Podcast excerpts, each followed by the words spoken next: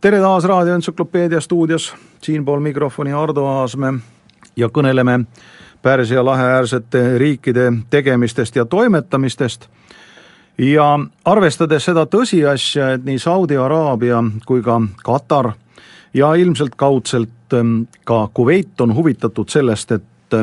pääseda Euroopasse oma põhikaubaga, see on siis nafta-gaas, nafta on muidugi mugavam, sest seda võib vedada tankeritega. äsja möödunud kahe tuhande neljateistkümnenda aasta märtsi lõpul külastas ähm, Saudi Araabiat Ameerika Ühendriikide president Barack Hussein Obama ja siiamaani ei ole väga selge, millest kõneldi, kuid nii palju, kui on aimata, kõneldi järgmistest asjadest. Esiteks Venemaa ohjeldamiseks ikkagi lasta alla nafta hind, mis sunniks Venemaa rahule ning paneks ta tõsiselt läbi rääkima Krimmi kriisi lahendamise üle teiselt poolt aga kõneldi tõenäoliselt ka sellest, kuidas Saudi Araabia saaks Ukrainaga edaspidi tõhusamalt koostööd teha. Ja küsimus on paljuski selles, et teatud osa relvastusest, mida praegu Saudi Araabia on enda juurde kuhjanud. Ja olgu siinkohal öeldud, et terve hulk sellest relvastusest on ju mehitamata ning tänasel päeval käivad läbirääkimised Pakistaniga, et saada tankimeeskondi, et saada lendureid, et saada asjatundlikke kahurväeohvitsere. Ja seega on Saudi Araabia oma strateegia üles ehitanud paljuski sellele, et mitte kogu tema sõjavägi ei ole saudid, vaid on mõistlik võtta palgasõda, sõjaväge mujalt ja see on enam-vähem samasugune olukord, nagu Prantsusmaa rakendab oma välistes sõjalistes operatsioonides, ei midagi muud kui Prantsuse võõrleegioni, kus siis ainult ohvitserid on prantslased. nii et kasutatakse Prantsuse võõrleegioni eeskuju. Samal ajal käivad jutud sellest, et Saudi Araabia ähvardab muutuda tuumariigiks, aga erinevalt Iraanist ei asu ta ise tuumarelva välja töötama, vaid saudid teatavasti on ju riik kus, kus kaheksakümmend protsenti kõrgharidusega saudidest on ju usukoolid lõpetanud ja ja need, ja see haridus ei sobi ei põllumajanduse, ei tuumafüüsika edendamiseks, need ostetakse lihtsalt sisse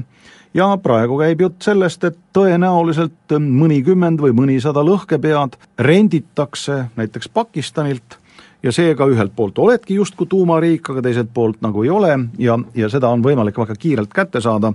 sellepärast et ähm, tuumarelva arendamine võtab lihtsalt aega. ja aega me tagasi ei saa ja kiirendada pole ka võimalik. teiselt poolt ähm, on tavarelvastuse puhul äh, sündinud plaan osta osa tavarelvastusest Ukrainast, äh, see aga eeldaks seda, et Ukraina sõjatööstust tuleks kaasajastada ja see maksaks umbes viis miljardit dollarit,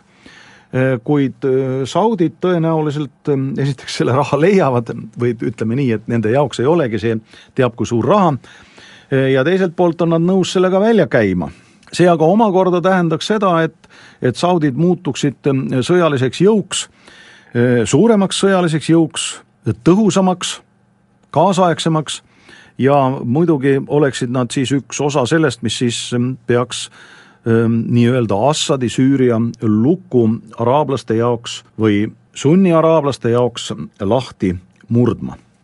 see ei sobi aga üldse Venemaale, sest see tähendaks seda, et kui praegu on ukrainlased peatanud venelastega sõjalise koostöö, ei tooda, ei anna neile ju rakettmootoreid, helikopterimootoreid, laevamootoreid kõikvõimalikke elektroonilisi sihikuid ja veel, veel muud niisugust tipptehnoloogilist relvastuse osa, siis on ju täitsa selge, et Venemaa jaoks üks võimalus survet avaldada Ukrainale on seotud ikkagi paljuski sellega, et relvatööstus, mis paikneb valdavalt Ukraina idaosas, jääks tööta, see tõstaks tööpuudust, suurendaks rahulolematust ja võimaldaks ikkagi see relvatööstus kuidagi üle võtta kui aga sellega, kui aga selle asemele tulevad Saudide tellimused ehk tellimused kolmandatesse maadesse, siis tekib tõesti selline olukord, et ukrainlased ei pruugi üldse kaotada sellest sõjalisest koostööst, vaid mõnevõrra ümber kavandada oma müügisuunad ja kui me mõtleme sellele, et ukrainlased on ju ikkagi paarsada tanki müünud Pakistanile, mis sundis Indiat ju Ukrainat puudustava revolu-, resolutsiooni puhul ÜRO-s eh, ju ikkagi olema ütleme nii, et Ukrainale vaenulik, siis paljuski oli süüdi just nimelt see, et et ukrainlased on müünud mitmesugust relvastust just nimelt Pakistanile, aga kui arvestada sellega, et Pakistan oleks üks võimalik riik, kes pakub saudidele just nimelt ehm, mehitust erinevatele relvasüsteemidele ja kui juba väljaõpe mingil viisil Ukraina relvastuse peal toimib, eh, siis ehm, võiks see koostöö ju klappida. ja kui mõelda sellele, et Ukraina õhutõrjeraketisüsteemid on isegi mõnevõrra paremad, kui need on tänapäeval Venemaal,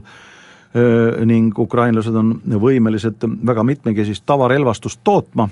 päris heal tasemel, eh, siis võib juhtuda, et Saudi Araabia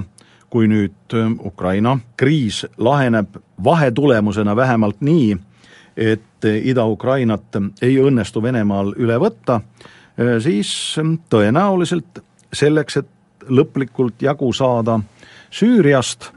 ja avada oma kaupadele otsetee Euroopasse, konkureerida Iraaniga, konkureerida Venemaaga, no selle nimel ollakse ilmselt nõus päris palju raha kulutama